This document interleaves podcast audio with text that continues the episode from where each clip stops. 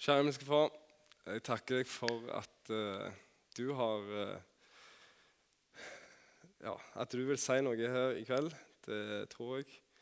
Uh, du ser at jeg med Ja, jeg kan veldig lett hindre deg i å si det du vil si. Hjelp meg til å bli leder av Din Hellige Ånd. Jeg bare ber deg om at det som du elsker skal si, blir sagt, og ikke ikke noe mer. Uh, må du vise oss uh, deg som far uh, og oss som dine elsk, elska barn i kveld, far. Amen. Yes. Um, dette blir spennende. Dere må bare jeg håper altså, Én ting tenker jeg hver gang før jeg skal tale. Fytti grisen, Om ikke noen andre får noe, så har iallfall jeg fått mye ut av dette. Eh, Så dere skulle bare prøvd å forberede en tale. Det gir utrolig mye, mye igjen. altså. Men om jeg klarer å få formidle det, det er noe helt annet. Jeg skal prøve. Jeg skal snakke om den eh, bortkomne sønn. Historien om, om den, eh, om han, eh, og den hjemmeværende sønn og faren. Um, ja. Jeg lover meg at vi skal få den opp på skjermen nå. Eh, ja, Dette er Jesus som forteller dette her. En mann hadde to sønner. Den yngste av dem eh, sa til faren, 'Far, gi meg den del av boet som faller på meg.' Han skiftet da sin eiendom mellom dem. Ikke mange dager senere samlet den yngste sønnen sammen alt sitt og drog til et land langt borte, og der sløste han bort alt han eide i et utsvevende liv. Men da han hadde satt alt over styr, ble det en svær hungersnød i det landet. Og han begynte å lide nød. Da gikk han bort og holdt seg til en av eh, borgerne der i landet, og han sendte ham ut på mark markene sine for å gjete svin. Han ønsket å fylle sin buk med det skolmer som svinene åt, og ingen ga ham noe. Da kom han til seg selv og sa, Hvor mange leiefolk hos min far har overflod av brød, men jeg setter livet til her av sult. Jeg vil stå opp og gå til min far, og jeg vil si til ham, Far, jeg har syndet mot himmelen mot deg. Jeg er ikke verdig lenger til å kalles din sønn. La meg få være som en av dine leiefolk. Og han sto opp og kom til sin far. Men da han ennå var langt borte, så hans far ham, og han fikk inderlig medynk med ham. Han løp han i møte, falt han om halsen og, og kysset ham. Da sa sønnen til ham, Far, jeg har syndet mot himmelen mot deg. Jeg er ikke lenger verdig til å kalles din sønn. Men faren sa til sine tjenere, skynd dere, ta fram den beste kledningen og ha den på ham. Gi ham en ring på hånden hans og sko på føttene. Hent gjøkalven og slakt den, og la oss ete og være glade. For denne min sønn var død og er, og er blitt levende. Han var tapt og er blitt funnet. Og de begynte å være glade, men den Ja, så trenger vi ikke å lese mer enn det foreløpig. Um, yes. Den bortkomne sønnen. Jeg tipper at uh, mange har kunnet uh, kjenne seg igjen i den bortkomne sønnen. Sjøl uh, vi som har vært kristne hele livet, og som egentlig kanskje har vært hjemme hele livet, kan kjennes igjen i den bortkomne sønnen.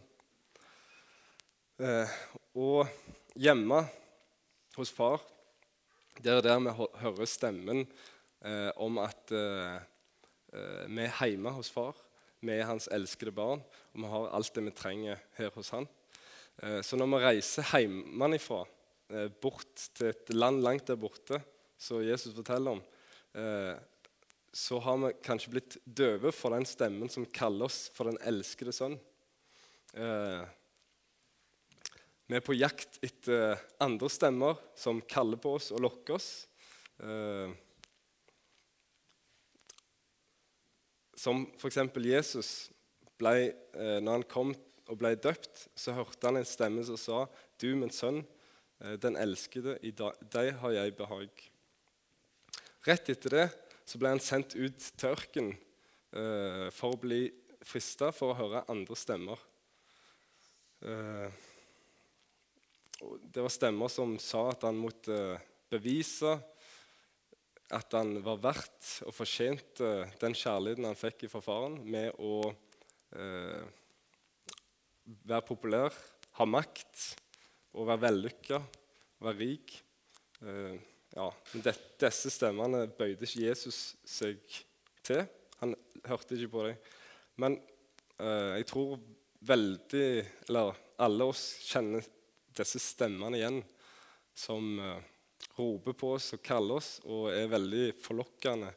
Eh, som ikke er hjemme hos far, men som er ute i verden. Som eh, sier at vi skal eh, gjøre en god karriere. At vi skal fortjene å bli elska. Eh, hele spørsmålet her er hvem tilhører jeg? Tilhører jeg eh, verden, eller tilhører jeg Gud?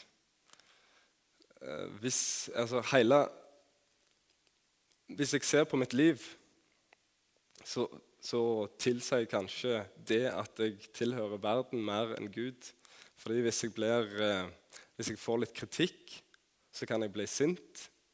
Og hvis jeg eh, eh ja, får litt skryt, så blir jeg glad. Hvis jeg opplever suksess, så blir jeg høy. Hvis jeg opplever å bli eh, Altså ikke tatt imot, så kan jeg bli sur. Lei meg, trist. Så eh, livet føles av og til som, en, som at jeg er en liten båt på et stort hav eh, som er i, eh, fullstendig i bølgenes makt.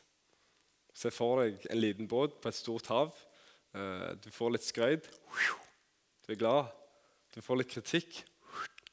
Du føler at du er kanskje ikke så eh, Ja, får det ikke helt til eh, på jobb, skole.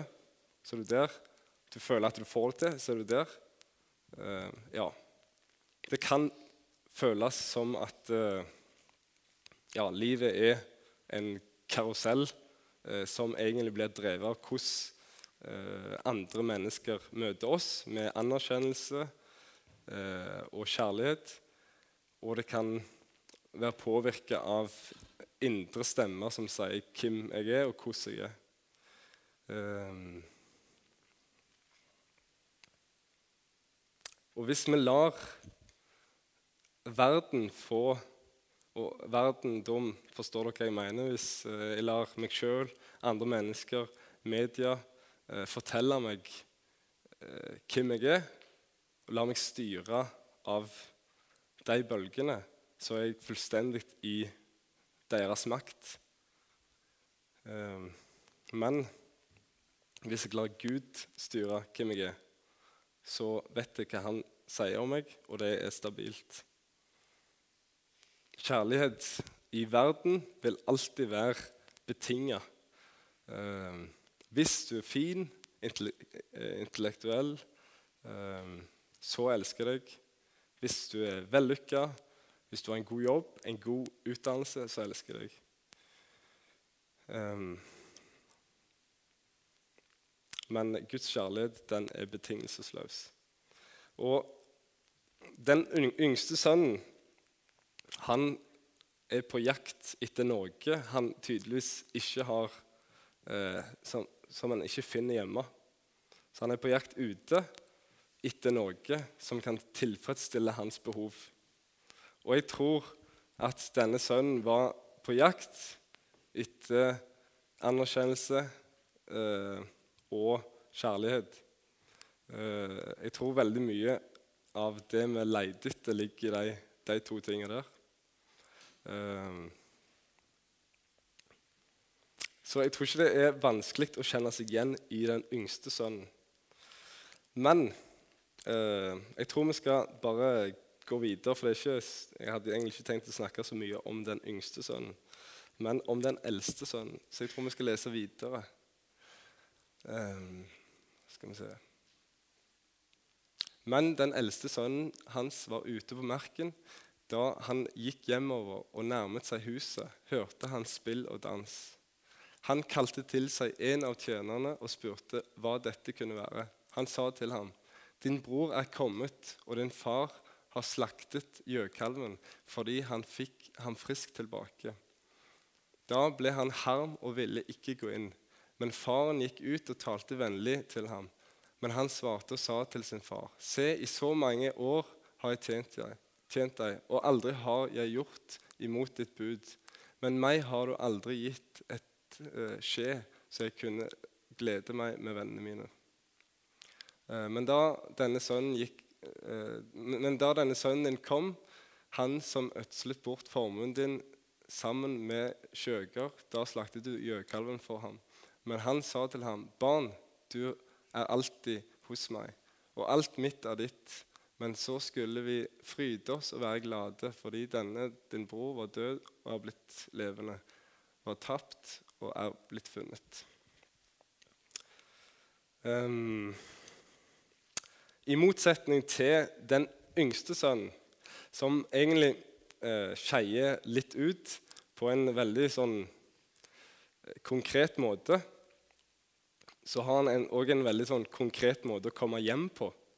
Han stikker ifra, han gjør opprør. Han vender eh, faren ryggen, og han kommer til seg sjøl og vender tilbake. Han innser at han er en synder, og vende om. Han får tilgivelse, og han blir takknemlig. Men i motsetning til dette så har du den eldste sønnen. Det er ikke, altså, det er ikke så konkret. Det er ikke så Eh, det er mye mer avansert for han, føler jeg, å vende hjem. Fordi han er jo på en måte allerede hjemme. Han har ikke gjort noe opprør, men allikevel så virker han helt fortapt. Mens den, den yngste sønnen ser livet som en gave. Alt har han fått av nåde. Eh, så ser den eldste sønnen at eh, alt det han ikke har, som han hadde fortjent. Den yngste sønnen eh, er takknemlig, mens den eldste sønnen er bitter. Når jeg, altså jeg har lest en bok. da, Jeg kan jo bare si kort at den, ja, er denne boka. 'Den bortkomne sønn vender hjem'. Altså når jeg leste om den yngste sønnen først, så kjente jeg bare, ja, jeg kjenner meg igjen. Eh, jeg er den yngste sønnen som eh, på en måte leter etter andre stemmer ute ut i verden, og jeg trenger ofte å komme hjem igjen. Men når jeg leste om den eldste sønnen, så kjente jeg åh, det er så enormt meg.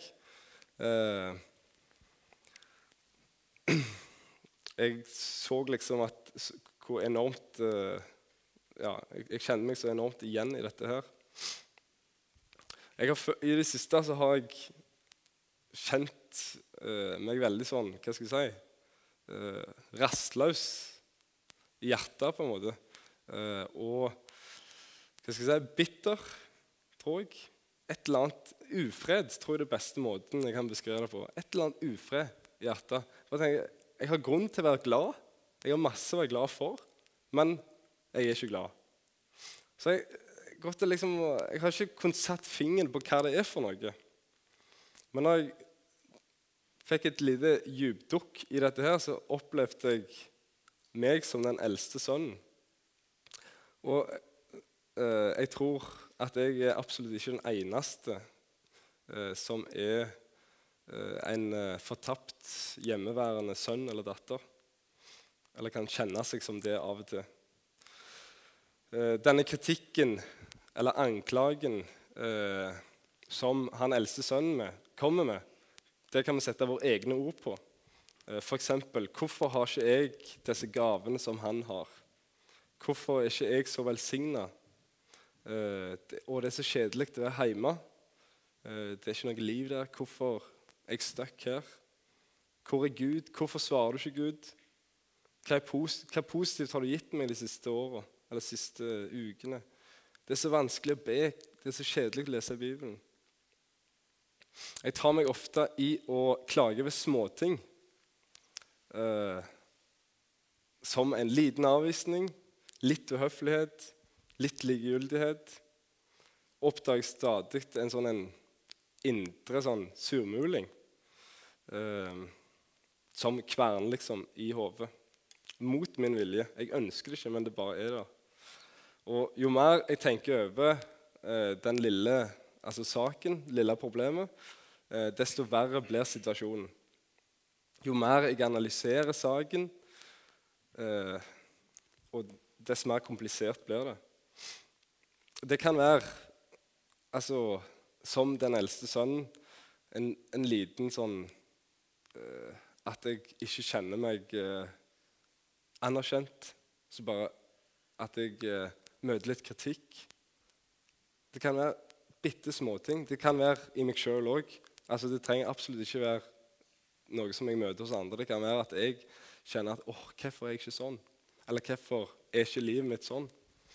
Um, og dette her kan bli jeg, jeg, må bare si det at jeg skal ikke uh, fokusere Jeg ønsker ikke å fokusere på det mørke. Jeg ønsker å fokusere på det lyse og eh, løsningen. Og ja, jeg har virkelig blitt glad av å funnet ut dette, fordi da kan jeg gjøre noe med det. Eh, denne her mørke, disse mørke tankene som den eldste sønnen har, de kan være enormt destruktive. Eh, og de har en enorm sånn trekkraft. Bebreielse Jeg måtte finne ut hva bebreielse betydde. Det er et ord som du på en måte vet hva betyr, men ikke, allikevel ikke helt vet hva det betyr. Er dere enige? Um, det er altså anklage mot andre, eller anklage mot en sjøl. Uh, altså anklage andre for noe, eller anklage seg sjøl for noe.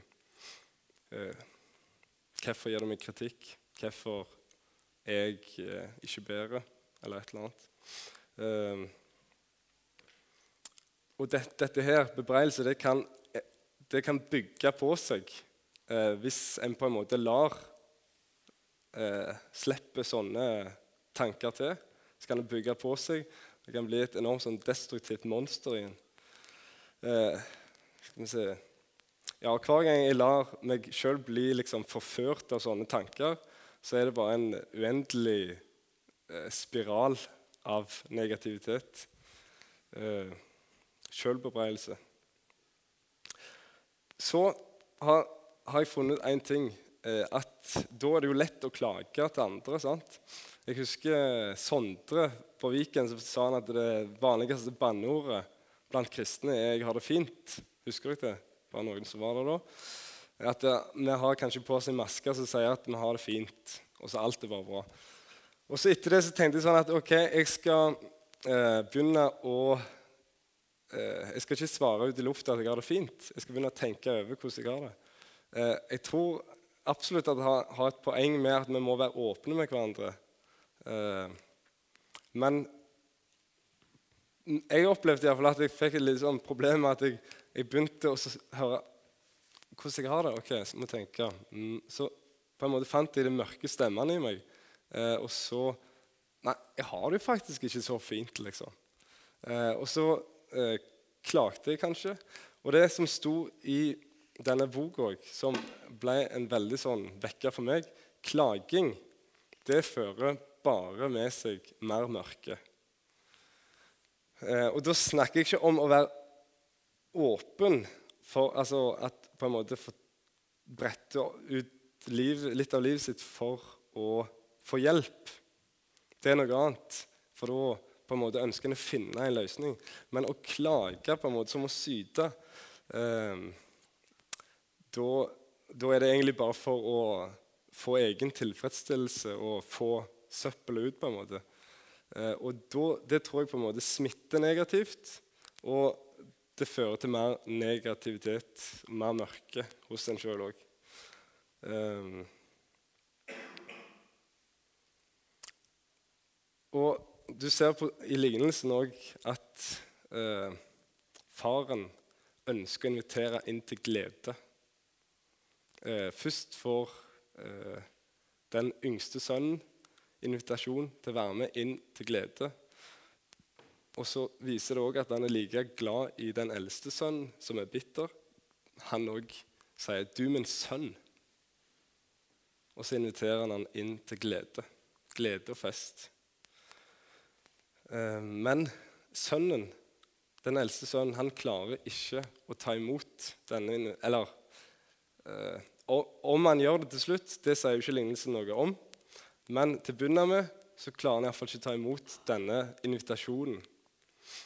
Eh, det virker som at når, når han får vite For han hører jo om festen langt ifra. sant?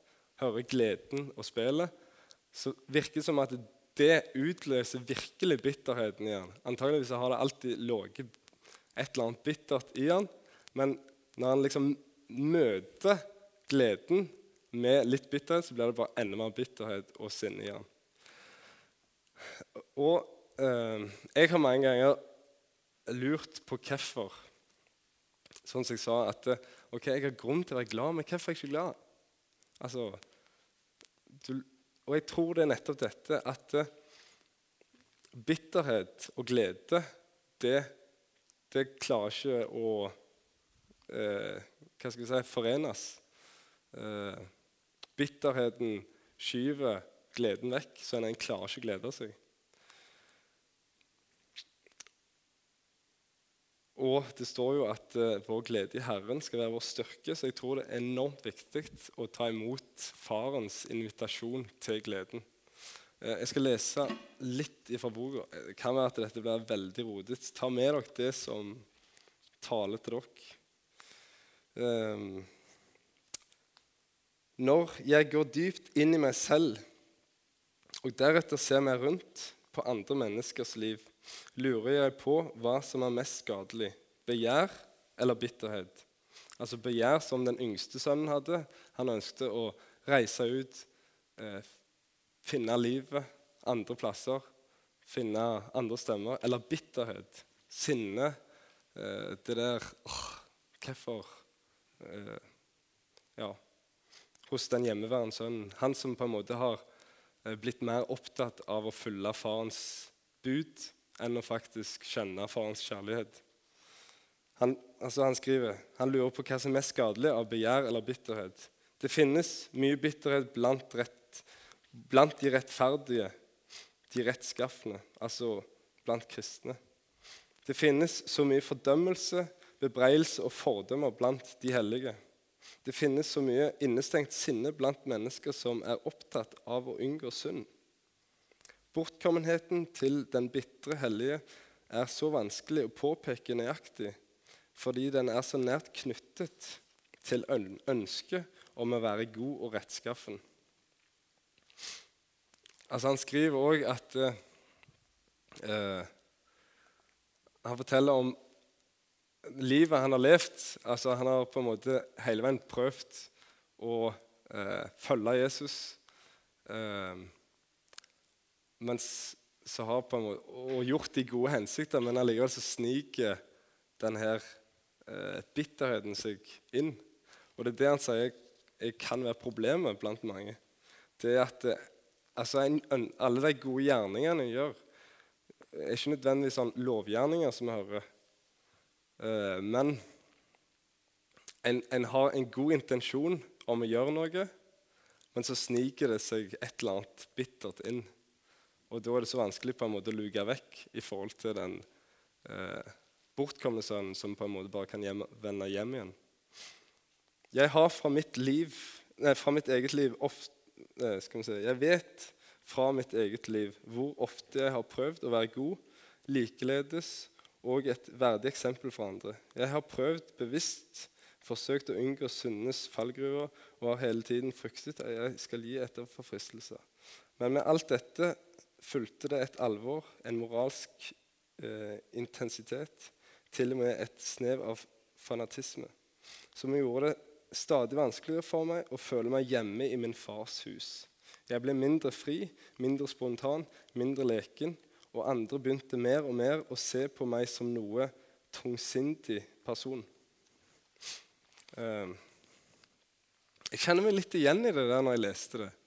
Fordi Jeg vet ikke. Dess mer jeg har ønska å følge Jesus, dess på en måte mer har jeg kjent på den der litt sånn litt sørgtunge. Um, jeg kommer til vel, noe veldig positivt. ikke, ikke synk altfor langt ned før dere um, Christian Landro sa, ga meg et godt bilde. Han sa at uh, hvis jeg er, velger å på en måte holde meg Altså ikke være utro mot Karin fordi at det kan være at jeg blir tatt. Sant? Da er jo det et veldig feil uh, feil grunn for å være trofast. Fordi det er pga. at han er redd for å bli tatt, ikke pga. at han elsker Karin. Uh, det kan være at dere hører på dette uh, gjennom nettet nå, så beklager at jeg brukte dere som et eksempel. Ja. Men uh, iallfall uh, Forsto dere den? At uh, du på en måte er opptatt av å følge Gud uh, mer enn å faktisk uh, være kjent med hans kjærlighet til deg og motta hans kjærlighet til deg. Uh, ja Skal vi se Men noe som jeg tenkte liksom sånn åh, Hvordan kan den bortkomne, nei, den hjemmeværende sønnen vende hjem? Fordi det er jo det vi er interessert i. Ikke nødvendigvis høre om uh, alt uh, som er gale med det. Så jeg liksom tenkte åh, hvordan er det mulig at den kan vende hjem? Og så uh, leste jeg at han hadde iallfall funnet ut at det var gjennom tillit og takknemlighet Eh, så kunne en finne veien hjem. Altså tillit til Guds stemme. Tillit til Guds stemme som sier 'Jeg er den elskede sønn'. Tillit til Guds stemme som sier at uh, alt her hjemme eh, Alt du trenger, det har du her hjemme. Hos meg. For jeg, jeg må faktisk ærlig, Det høres litt rart ut, men jeg har faktisk eh, tatt meg sjøl i å være litt sånn misunnelig på den bortkomne sønnen av og til. Eh, jeg har liksom det, det, har ofte, Når jeg har sett på venner og bekjente som har levd et eh, problemfritt liv, eh, uproblematisk eh, og ukomplisert bare, bare, et liv som handler om ja, nytelse, nesten sagt, eh, så har jeg tenkt sånn åh, Hvorfor har ikke jeg stukket hjemmefra? Jeg, har, jeg på en måte fordømmer deres liv med, med, det jeg tror på, det jeg sier, men allikevel så kjenner jeg inn, langt inni meg en liten sånn åh, Hvorfor har ikke jeg stukket av? Av og til. Men det handler om tillit. Tillit til Guds stemme. Tillit til det han sier om 'jeg er veien, sannheten og livet'. Tillit til at det er han som kan fylle alle mine behov. Det er han som kan gi meg eh, fred, den virkelige freden, som overgår all forstand. Eh, en må på en måte fornekte den sjølkritiske stemmen som alltid er der. Eh, det står en plass 'ta enhver tanke til fange under lydigheten under Jesus Kristus'. Så jeg må i tillit til Gud, det han sier, så må en på en måte avvise alle andre stemmer som beveger seg rundt hodet. Rundt en hele veien. Gjennom media, andre folk, gjennom kultur. Alt mulig. Og så takknemlighet. Altså tillit og takknemlighet. Og Ofte så tenker en at takknemlighet det er når du får en gave. Takknemlighet er på en måte en spontan reaksjon på noe. Så når du får en gave, så blir du takknemlig. Eh, eller så uttrykker du takknemlighet. Men eh, det er ikke snakk om en sånn spontan greie. Det, det er snakk om en takknemlig livsholdning. Eh, jeg kan på en måte velge eh, å bli i mørket. Peke på de eh, tilsynelatende eh, Eller de folka som tilsynelatende har det mye bedre enn meg. Klage over hvor uheldig jeg har vært gjennom livet. På, den, ja, på denne måten så kan jeg på en måte pakke meg inn i mørket og ja, fylle meg med sjølbebreidelse. Eller jeg kan velge eh, å være takknemlig. For takknemlighet, som vi snakket om at eh, bitterhet stengte ut gleden, så jager takknemligheten vekk bitterheten. Og takknemlighet det kan du faktisk velge. Du kan være takknemlig. Altså Hvis du velger takknemlighet, så får du bare mer og mer å være takknemlig for. Så det baller på seg akkurat som sjølbebreidelse gjør. Um, ja. Og noe som ble litt sånn det løy med det Noen ganger så er det godt å høre hvordan andre har det, for å liksom få bekreftelse av at jeg er faktisk ikke gal. det, det, er faktisk andre som har det sånn. Uh, og han skriver at uh, det er faktisk ikke mange øyeblikk i livet der jeg ikke er frista til å være sorgfull, kynisk og la mørke tanker av uh, ja, og bøl, altså Mørke tanker inntar meg. Bølger av og til altså av og til bølger av depresjon. Det er ikke ofte i livet jeg ikke er frista av sånne tanker. Og Det tror jeg egentlig at dere kan kjenne dere igjen i. mange i hvert fall. Jeg tror vi er forskjellige som mennesker, så noen kjenner seg sikkert ikke igjen i det. Men uh, Men det er jo ikke alltid jeg altså, lar de komme inn på meg. Men jeg er veldig ofte på en måte frista av dem. De banker ofte på. Uh, og, og, det tar, og, det hindrer meg ofte i å ta del i gleden hjemme hos far. For jeg tror jeg har enormt masse å være glad for. Og jeg har nok av ting. Altså, det er glede og fest hos far sjøl i en mørk verden. Uh, selv om det skal bli mye bedre i himmelen, så er det òg det i denne mørke verden. Så er det masse glede. Um, ja. Men når, altså jeg tror òg at uh, det er ikke noe sånn at uh, du på en måte kan bli helbreda for det, for jeg tror det er menneskelig. Uh, jeg tror det er litt sånn en er. Og det har nok litt med personlighet personlighet å gjøre òg.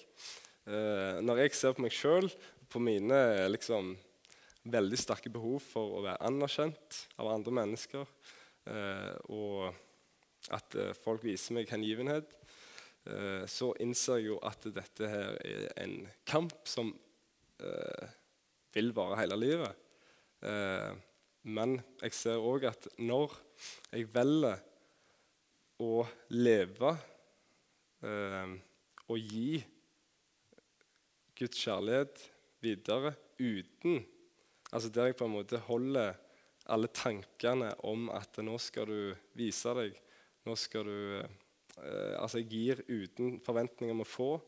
Eh, all slags sånne ting. Så, så opplever jeg at eh, det er En kan få lov til å være med og gi vekst i Guds rike. En kan få lov til å Ja, at Gud velsigner det en gjør. Men så tror jeg ikke at det stopper med at vi hele veien skal komme hjem. Eh, jeg tror vårt endelige mål faktisk er å bli faren. Eh, for det står f.eks. at som deres himmelske far er barmhjertig, så skal vi være barmhjertige. Så vårt mål eh, er å bli som faren, eh, som tar imot bortkomne og eldstesønner som er bitre. Og da tror jeg at det er viktig å se at alt det menneskehjertet trenger, det har en faktisk hjemme hos far for å kunne være faren, så må en på en måte ha erfart og være trygg på at faktisk alt det en trenger her i livet, det har vi hjemme hos far. Én ting er å tro det her, men en annen ting er faktisk virkelig tro det her. At alt det vi trenger, alt det menneskehjertet søker etter, det har vi hjemme hos far. Uh, Ja. Da er jeg faktisk ferdig. Jeg vet ikke hvor lenge jeg har talt, men eh, Men enten en er den yngste sønnen eller den eldste, så handler egentlig dette her om identitet. Eh, vår identitet. Eh, om vi lar verden definere hvem vi er, eh, andre mennesker definere hvem vi er. Altså eh, Dere forstår hva jeg mener med det? sant? Eh, eller om en lar Gud og Guds ord definere hvem en er. Så alt handler egentlig om identitet. Hvis vi på en måte lytter til Guds stemme og ikke lar de andre stemmene Hvis vi lytter til Guds stemme, så tror jeg, ikke, tror jeg egentlig at de andre stemmene er veldig harmløse. Eh, hvis vi hele veien lytter til Guds stemme, er, innenfor, er hjemme hos Han og lar Hans eh, kjærlighet inn, inn, i oss, så tror jeg de andre stemmene er av veldig liten påvirkning på oss. Og da har vi vår identitet i Gud, med Guds sønner. Vi vil bli mye sønner og døtre. Vi vil bli trygge på oss sjøl. Eh, vår dårlige sjølbilde vil ikke få på en måte hindre oss i å ta imot Guds kjærlighet, og hindre oss i å gi Guds kjærlighet og hindre oss i å ta del i Guds glede. Eh, og det tror jeg er ja, utrolig viktig. Jeg følte absolutt ikke jeg fikk det fram sånn som jeg virkelig følte Gud ga det til meg. Men jeg håper at du fikk med deg litt av det. Um, og hvis du på en måte kjenner at det litt, ja, altså, Fikk litt tak i det, men lurer litt på altså, hva var det egentlig han snakket om, Oi, så les denne boka. Egentlig ei veldig spennende bok. Selv om vi var litt kjedelig òg i starten, så var det uh, ja, veldig mye bra under. Yes, Da skal vi høre en sang som handler om vår identitet i far.